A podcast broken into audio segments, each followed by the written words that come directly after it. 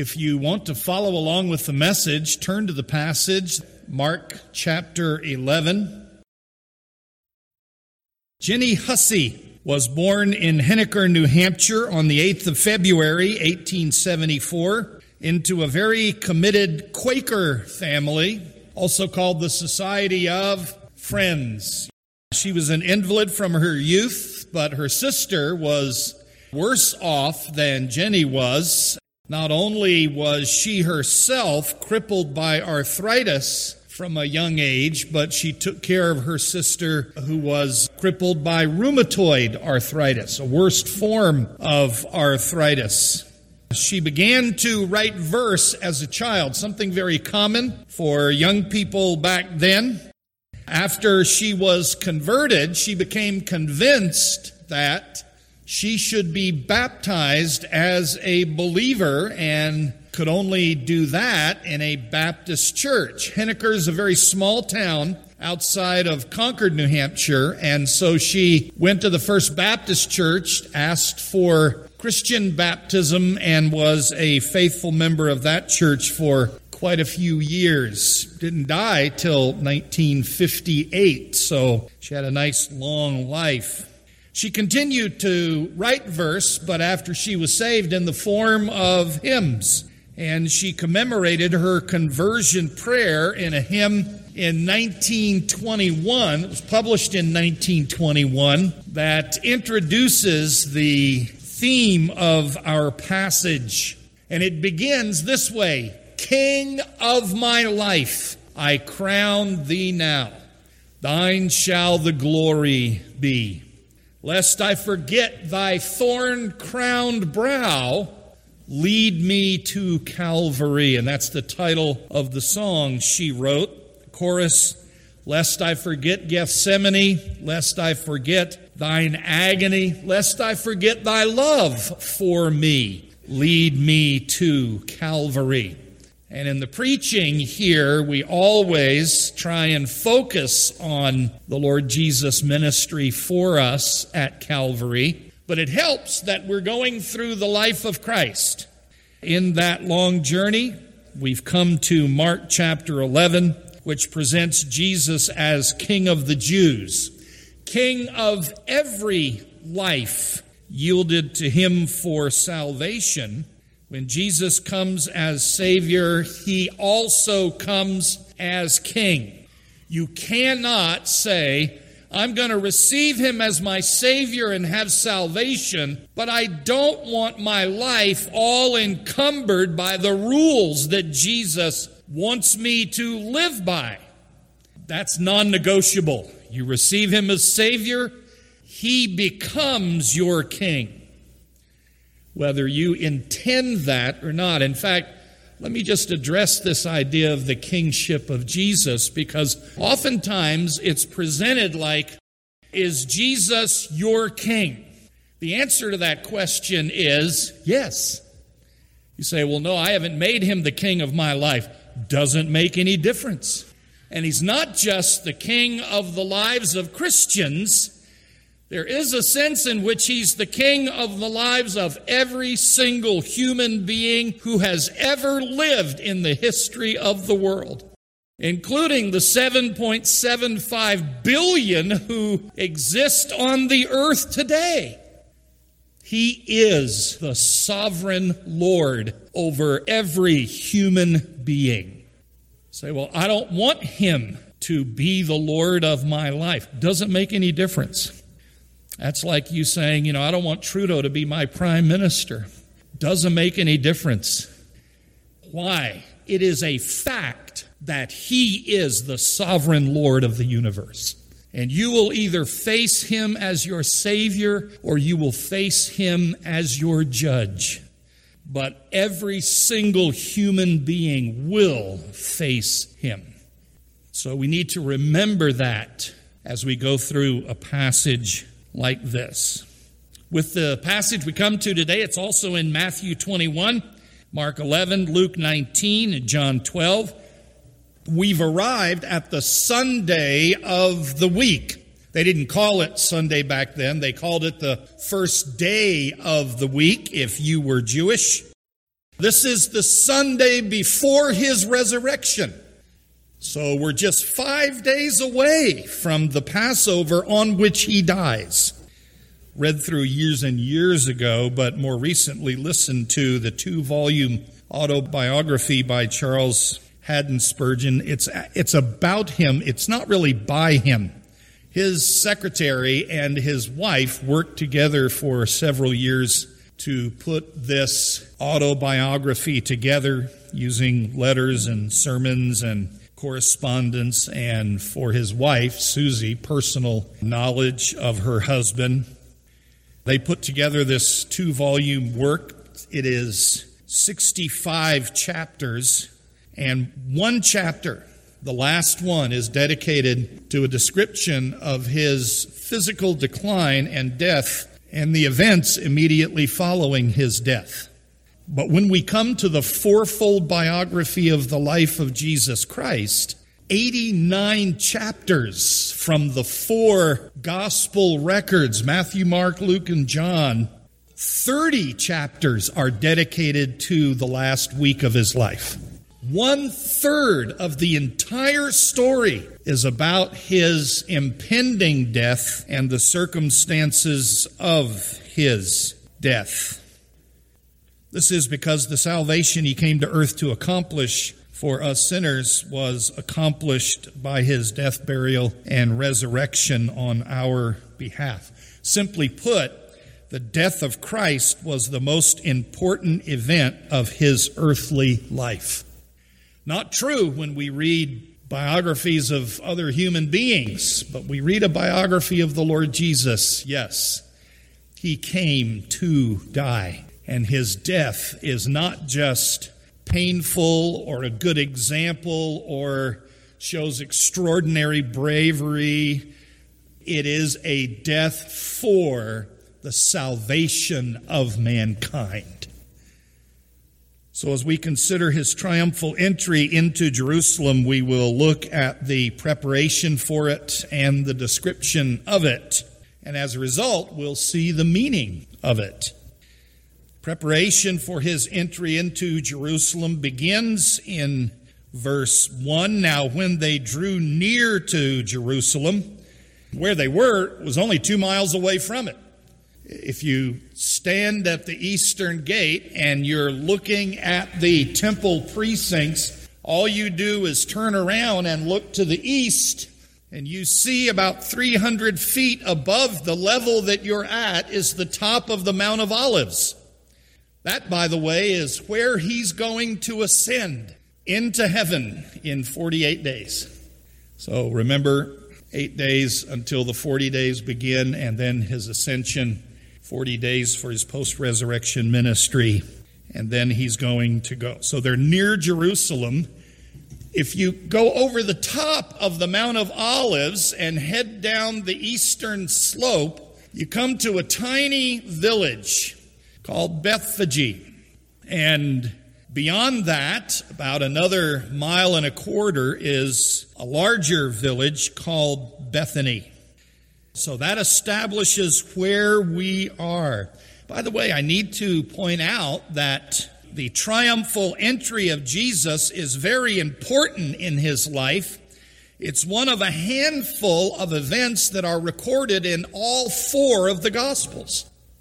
There's quite a bit of information when you look at all four of the records of this. And that's why we know that the triumphal entry took place on Sunday of the week.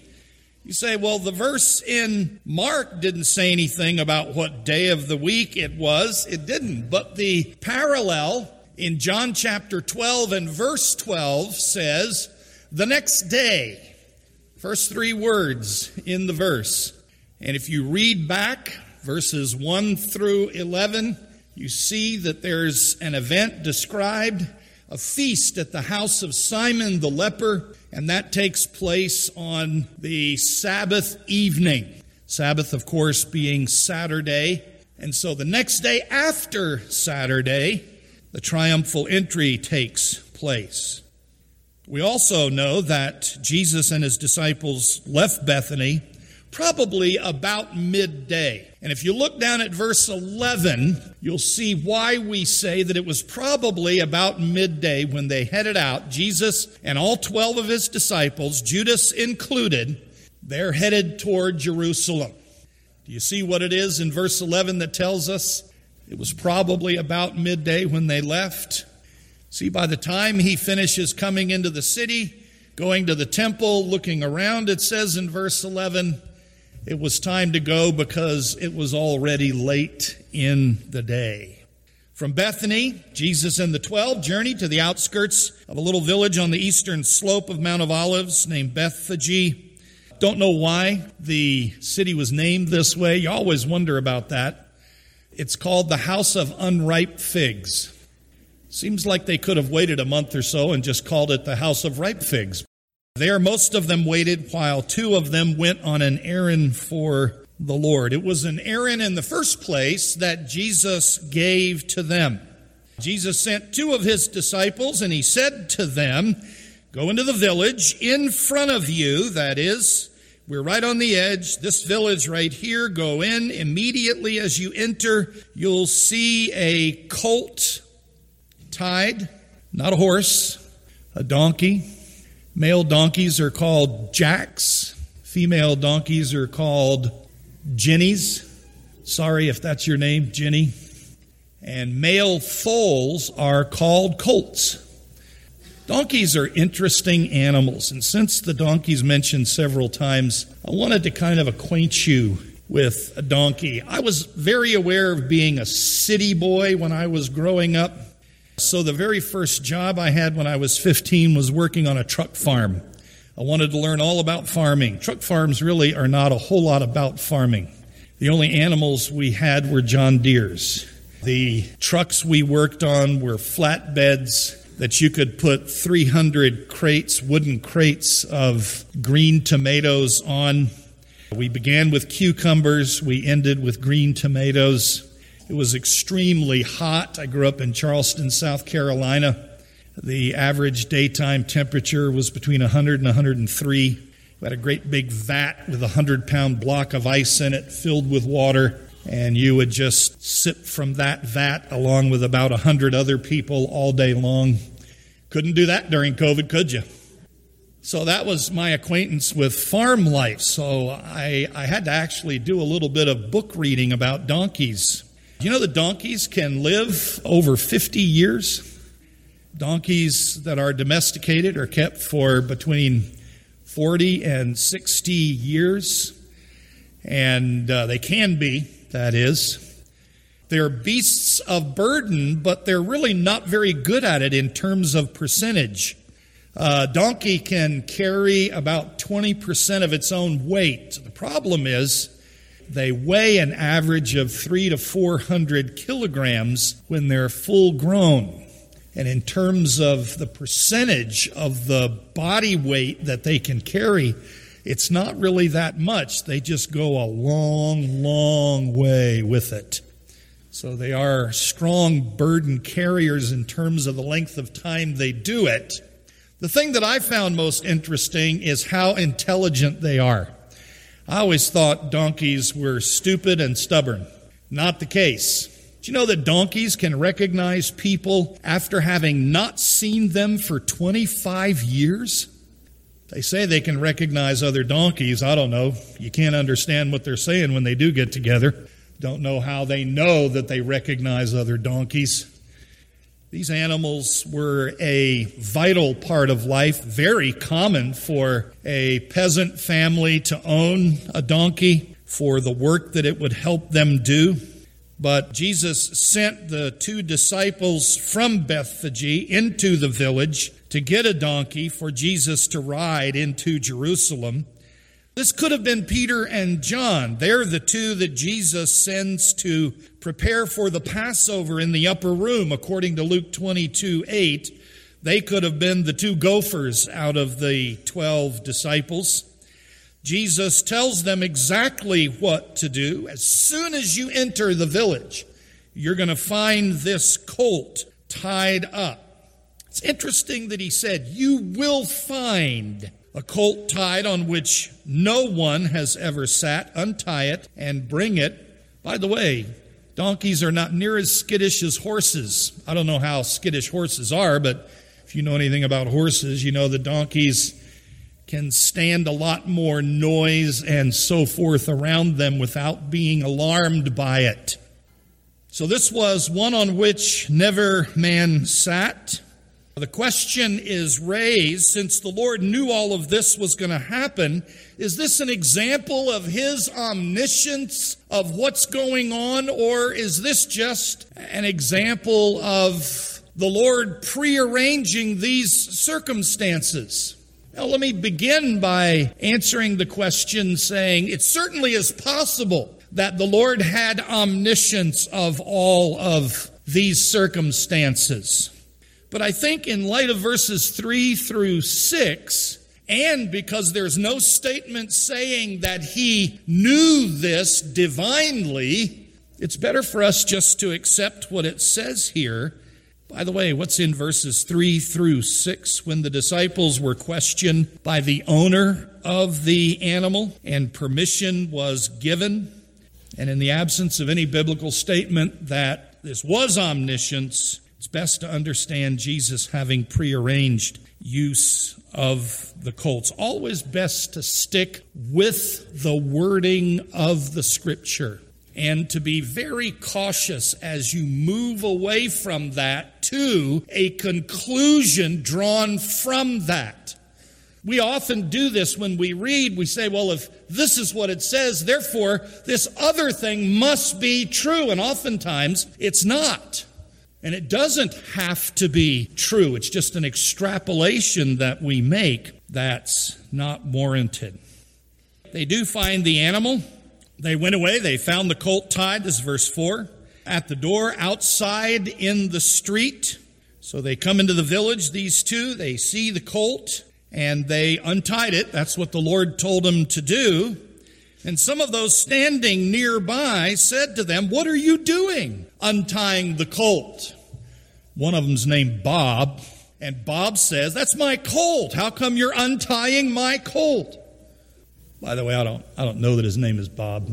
I just make that up. I need Bob to be in something I'm preaching all the time. So, no, the Lord said to say this. So they did. They told them what Jesus had said, and then the owners let them go. And so they delivered the colt to Jesus. They brought the donkey, put on him their cloaks, and sat on them. They brought the colt to Jesus and threw their cloaks on it, and he sat on it. All of this provision just for Jesus to enter Jerusalem it really seems unnecessary for the casual reader. I mean, has he ever been to Jerusalem before? Yes, dozens of times. Did he ever need an animal to ride into the city on? No. Why does he need one now? Why didn't Jesus walk into the city just like hundreds of thousands of other pilgrims at this time? Passover was the most well attended of the three pilgrimage feasts to Jerusalem. The average population of the city, I think I went over this last time, about 100,000 people during Passover. Over half a million, between five and 600,000 came for the feast of Passover. There are lots of people there. Why not just walk in just like they did? Why did it have to be a donkey that he rode in? Why did it have to be a donkey that had been unridden? Mark 11, 2 says that, and Luke's parallel says the same thing that it was a donkey on which no one had ever sat. And we discover the reason not in Mark's record of this, not in the Gospel of Mark, but in the Gospel of Matthew, chapter 21, beginning in verse 4, and the Gospel of John, chapter 12, that we've already looked at. Here's what Matthew said. This took place to fulfill what was spoken by the prophet in Zechariah 9 9, just like Elias read and explained, saying, Say to the daughter of Zion, Behold, your king is coming to you humble and mounted on a donkey, a colt, the foal of a beast of burden. John 12, just as it is written, again in Zechariah 9 9, Fear not, daughter of Zion, behold, your king is coming, sitting on a donkey's colt. Isn't it interesting that Jesus didn't determine what he would do by virtue of the public's demand? There's an election in the United States, and the two primary candidates for that election are always responding to what the public is doing, what the public thinks, the public wants them to address, how the public regards them, how the public thinks about one candidate or another. It's a response to popularity or to a lack of popularity. Jesus never functioned that way. How did he make the decisions he made? Father, what am I to do today? What would you have me to do today? He comes to Jerusalem knowing, knowing that he will die in just days. But he does so because that's what the Father wants. And he did this in order to fulfill the scripture that was going to declare him to be a king. Why did Jesus go to all this trouble just to enter Jerusalem? Because it told every Jewish observer something about him that he was their Messiah and that as Messiah, he was their king. Not the Roman emperor, certainly not the Jewish religious leaders, but that Jesus of Nazareth, whom they called the prophet from Nazareth, was in fact God the Son. He had revealed his real identity to his disciples repeatedly he also revealed it to the Jewish public repeatedly. But here at the beginning of his final week, here at the time when he was going to do the work that he came to earth to do, he makes this announcement Do you know who I am?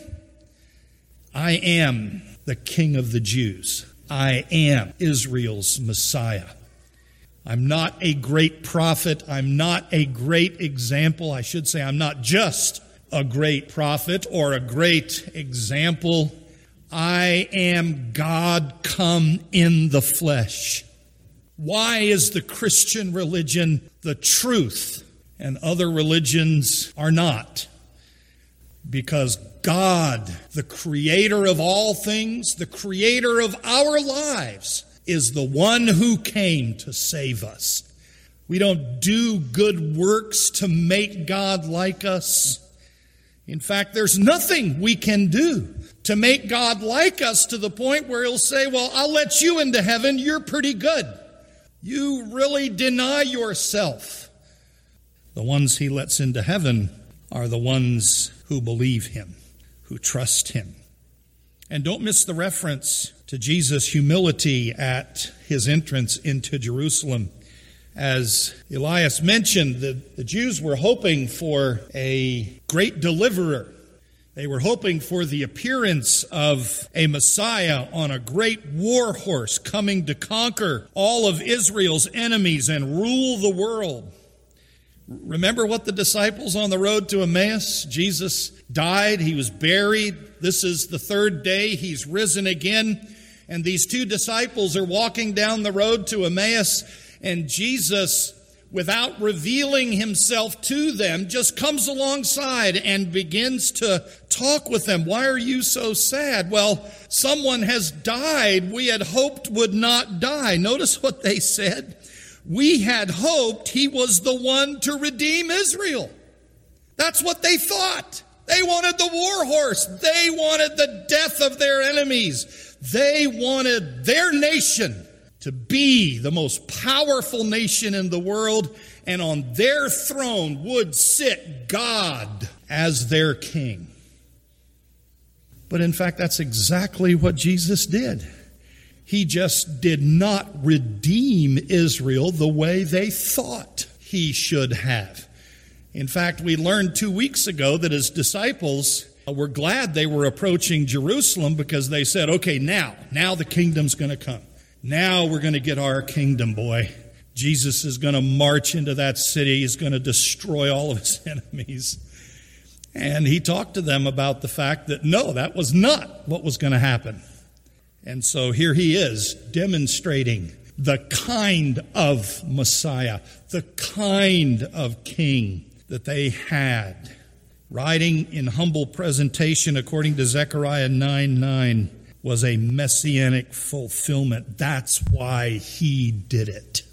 To fulfill his father's agenda and not the public's.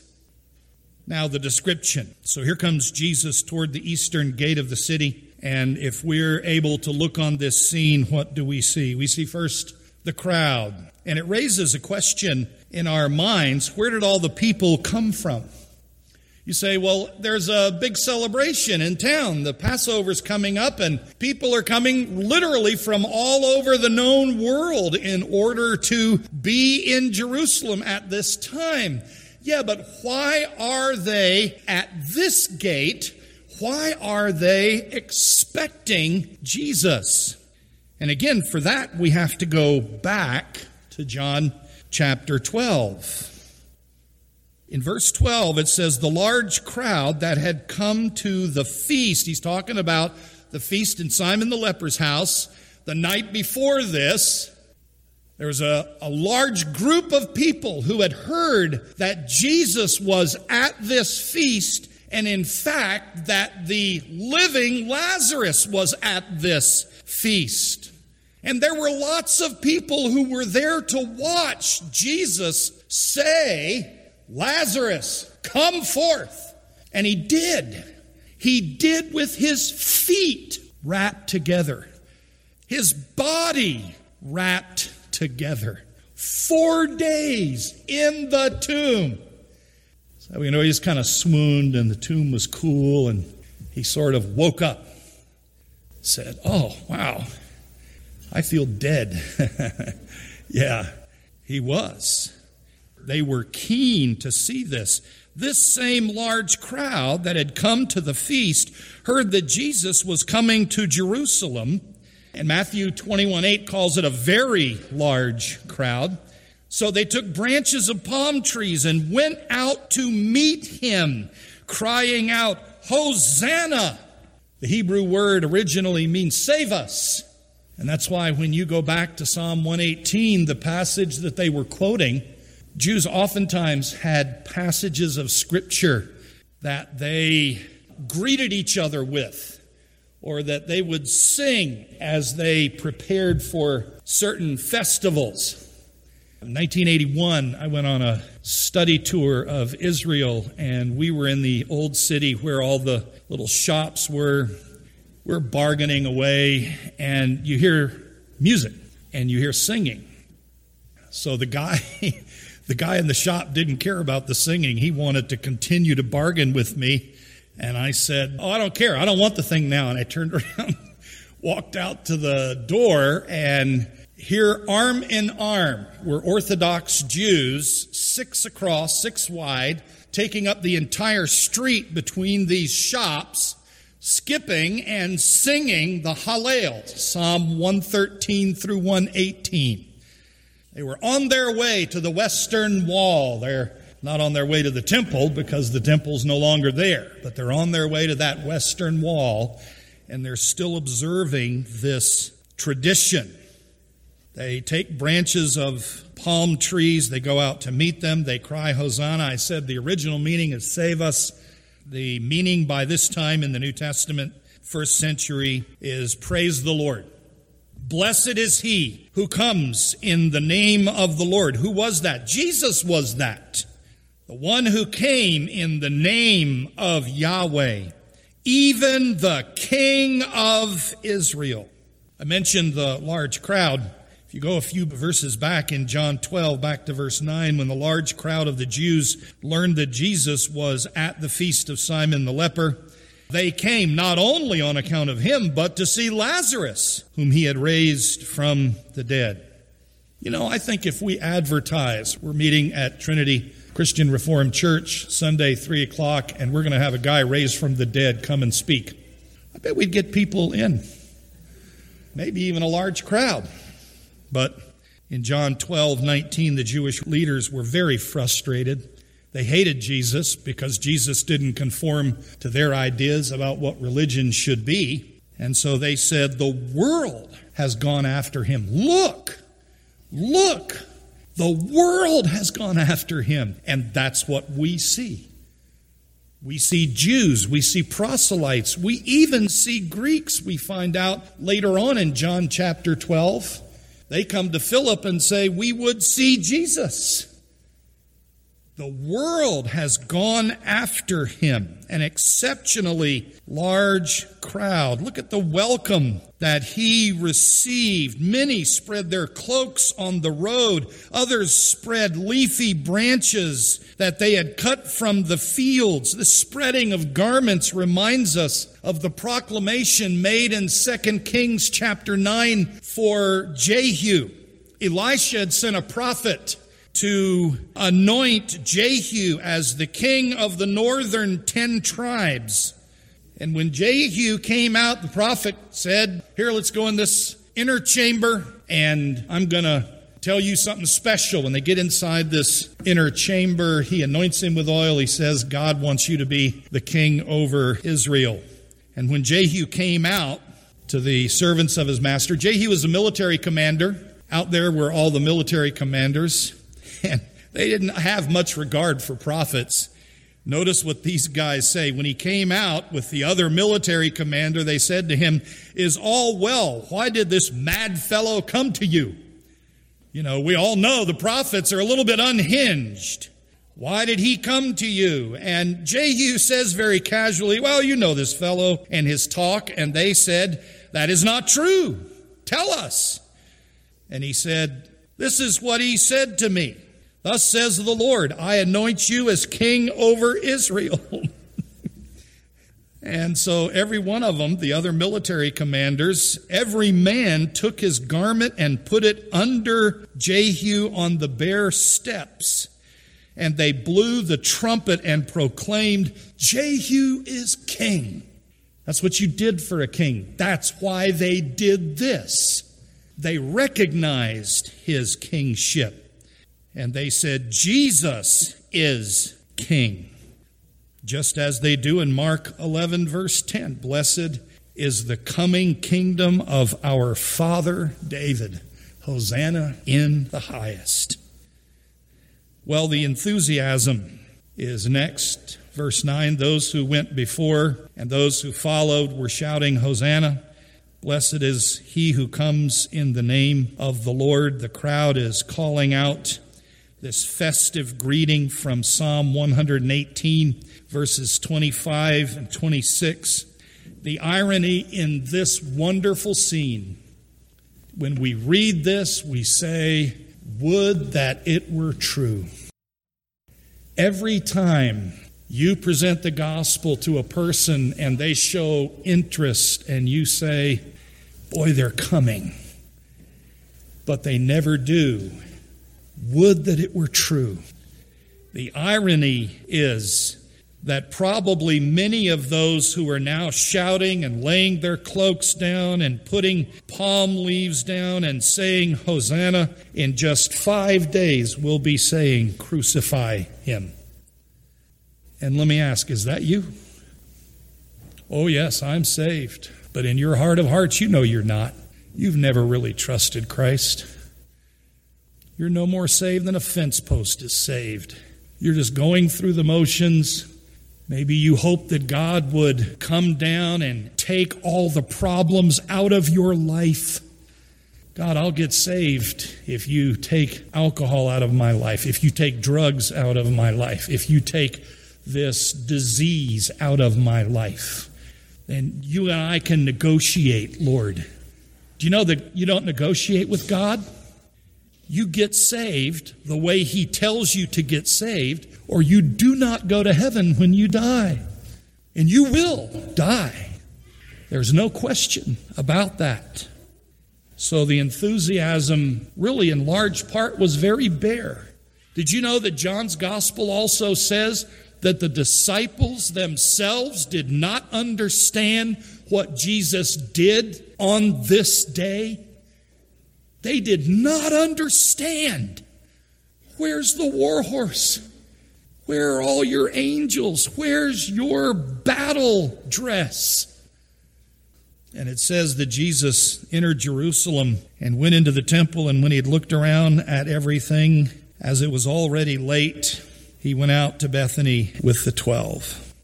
Why is this called the triumphal entry into Jerusalem? Especially since Jesus had entered Jerusalem dozens of times throughout his life. Why is this one the triumphal entry? Because according to Zechariah 9 9, it declared Jesus of Nazareth was Israel's Messiah. And as their Messiah, he is the king. And remember what I said? Doesn't matter whether you want him to be or not, he is king. And he will be king forever. And when we get to heaven, there is no one there named Allah. There is no one there from another religion. There is one God and one heaven and one gospel, the good news for escaping the punishment for sin and being in heaven forever. Why was it called the triumphal entry? Again, if he had entered Jerusalem many times before. Because now he was coming. Now he was presenting himself. I am the Messiah. I came to redeem Israel offering himself and becoming by the end of the week Israel's substitute as Israel's penalty for Israel's sin as the Lamb of God who takes away the sin of all the world, not just the Jewish world. But as John said, John the Baptist, that is, Behold the Lamb of God who takes away the sin of the world. That raises the question Has he taken away yours? And why did it have to be a triumphal entry into Jerusalem? Well, because Jerusalem was the royal city, it was where the king resided. It's also the center of Israel's worship, the home of priests and prophets. And so it's quite appropriate that the prophet that's what the word Messiah means, the anointed one. Prophets were anointed to pursue their prophetic ministry, but there's coming a prophet who is the greatest of all prophets. He is the anointed one. And it is appropriate that the prophet and the priest and the king over all kings should present himself as Messiah in the place where he fulfilled all three of these offices in his first advent.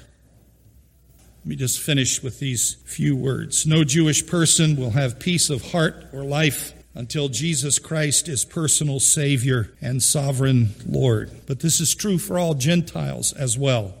Jesus is not just Israel's true king, he is earth's true king also. But he's only our true king if we surrender our wills to him. There's a sense in which he's going to be our judge. In that sense, he's our king. But we invite him to come, take control of everything in my life. I want to obey you. I want to obey God worse than life itself. I'd rather die than continue in disobedience to him. That's the desire of a disciple. If you've not repented of your sin, if you've not trusted your entire life to Jesus Christ, let me close with this question Why not? Father, we thank you for your wonderful grace. We thank you, Lord, for what the Scripture teaches us about our Savior, how we have come to know Him whom to know is everlasting life. We pray, Father, that you would work in our hearts, strengthen us in your grace as we meditate on these truths. In Jesus' name, amen.